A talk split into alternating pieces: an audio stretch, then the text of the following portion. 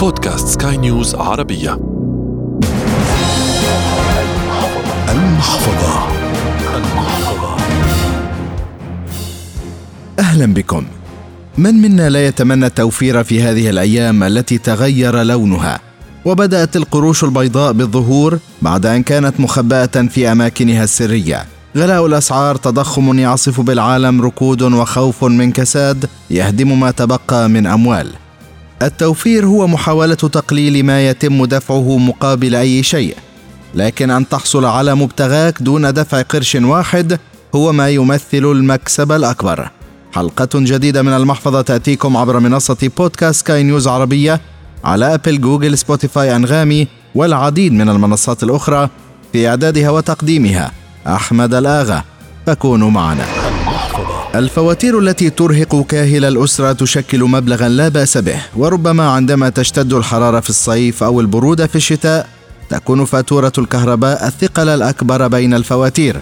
ومع الانتشار الواسع لأنظمة الطاقة الشمسية ستكون فاتورتك في نهاية المطاف تكلفك صفرا. وعندها ستكون فرحا. وستفرح أكثر عندما تقوم الدولة بشراء الكهرباء منك. لكن هذا لا ينطبق على كل الدول. تركيب النظام الشمسي يحتاج نقودا وكلنا هدفنا بعد الحفاظ على البيئة التوفير ونحتاج معرفة متى من الممكن أن نسترد ما دفعناه مقابل دفع الفواتير. حقيقة الأمر أنه يعتمد ذلك بشكل أساسي على التعرفة الكهربائية في البلد أو المدينة أو النظام الكهربائي اللي آه، ننوي الربط عليه. لكن بوجه عام المعدل المتعارف عليه عالميا ال payback period بتكون عادة ما بين خمس إلى سبع سنوات في المجمل. في الدول التعرفة الكهربائية فيها باهظة الثمن أو أعلى كلفة بيكون ال payback period في حدود سنتين ثلاث سنوات وهي تجارة مربحة بالكامل في هذه الدول.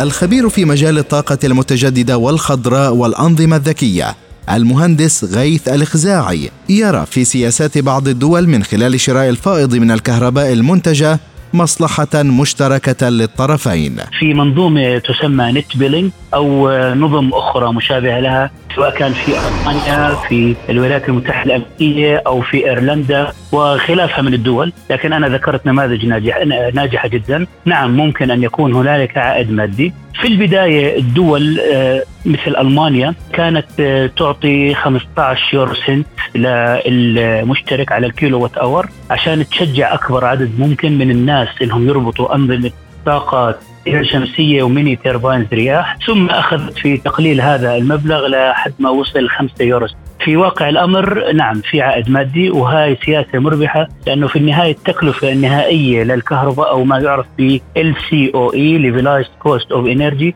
تقل على الدولة نفسها وبالتالي هذا أمر مربح لهم إنهم ما يدفعوا ثمن الباهظ للتكلفة الأساسية أو التكلفة الرأسمالية لمشاريع محطات توليد كبيرة أو وقود عضوي وخلافه.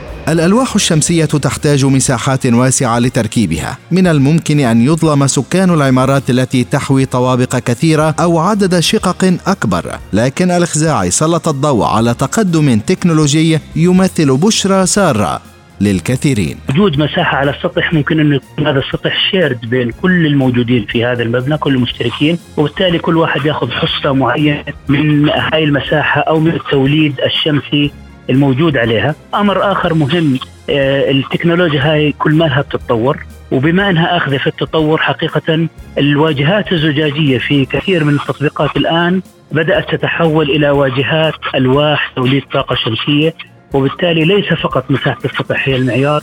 قريبا راح يكون مساحة الجدران أيضا هي أحد المصادر لتوليد الطاقة الشمسية على وجه التحديد من خلال أنها تكون مكسوة بالألواح الشمسية. في نموذج آخر مهم إنه الواحد يعرفه ضمن schemes الطاقة المتجددة يوجد ما يعرف بال wheeling model أو ال net billing model.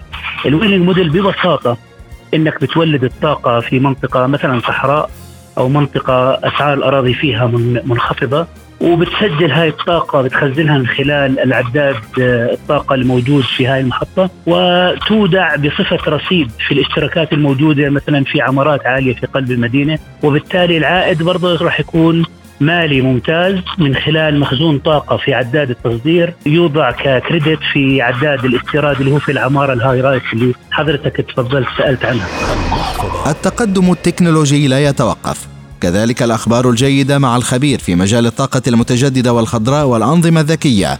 المهندس غيث الخزاعي لم تتوقف أيضا. إحنا يعني أنا عندي رأي آه، ما بدنا نحكي كبيرة الحجم أو صغيرة. المعيار ليس بحجمها إنما بكمية الطاقة القدرة أو الطاقة المتولدة على المتر المربع. الأخبار الجيدة في عام 2017 على سبيل المثال المتر المربع كان بإمكانه ينتج 130 أو 100 واط فقط.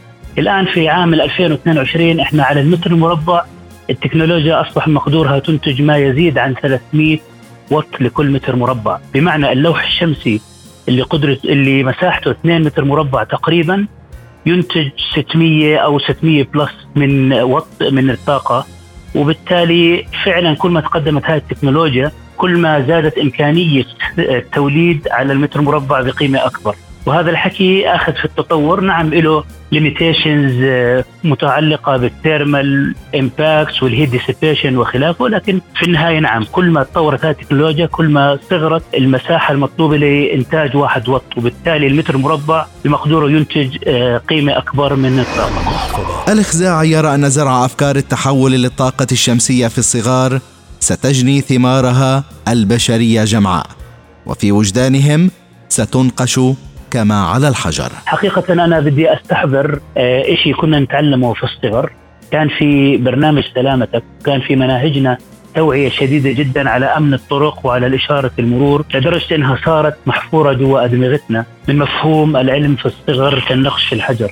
الطاقة المتجددة هي نموذج ثقافي وهي ايديولوجي كاملة اسمها سلامة الكوكب بيئة نظيفة طاقة متجددة طاقة مستدامة. فقد يكون يوجد دور أساسي على القطاع العام والخاص مع بعض وزارة التربية وغيرها المؤسسات العلمية الخاصة أنه يبدأوا يدفعوا في مناهج معينة تحكي عن الطاقة المتجددة وتحاكي صغار السن. أنا في صديقي لي في جامعة ليل الدكتور عصام شحرور في فرنسا. حقيقة له مؤلفات في هذا المجال ومنتشرة في كل أوروبا مترجمة لسبع لغات متعلقة في البيئة النظيفة وفي ال smart systems وفي ال renewable.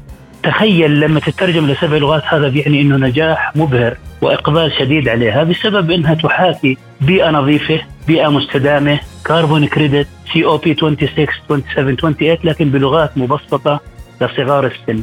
فما بالك هذا لما يكبر كيف بده يكون انطباعاته عن الطاقه المتجددة.